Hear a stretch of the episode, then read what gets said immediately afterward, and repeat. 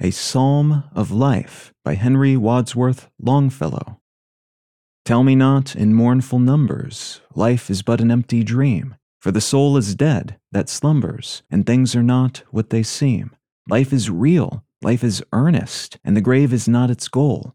Dust thou art to dust returnest was not spoken of the soul. Not enjoyment and not sorrow is our destined end or way, but to act, that each tomorrow find us farther than today.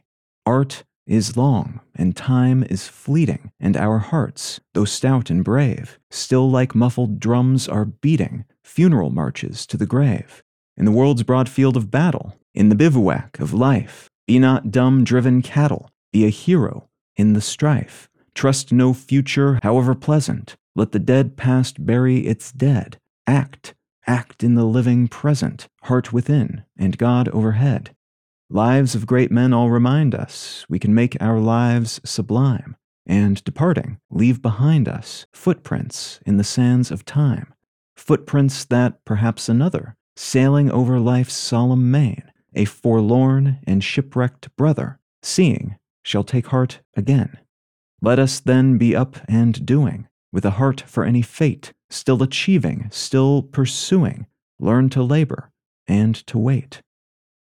A Psalm of Life by Henry Wadsworth Longfellow.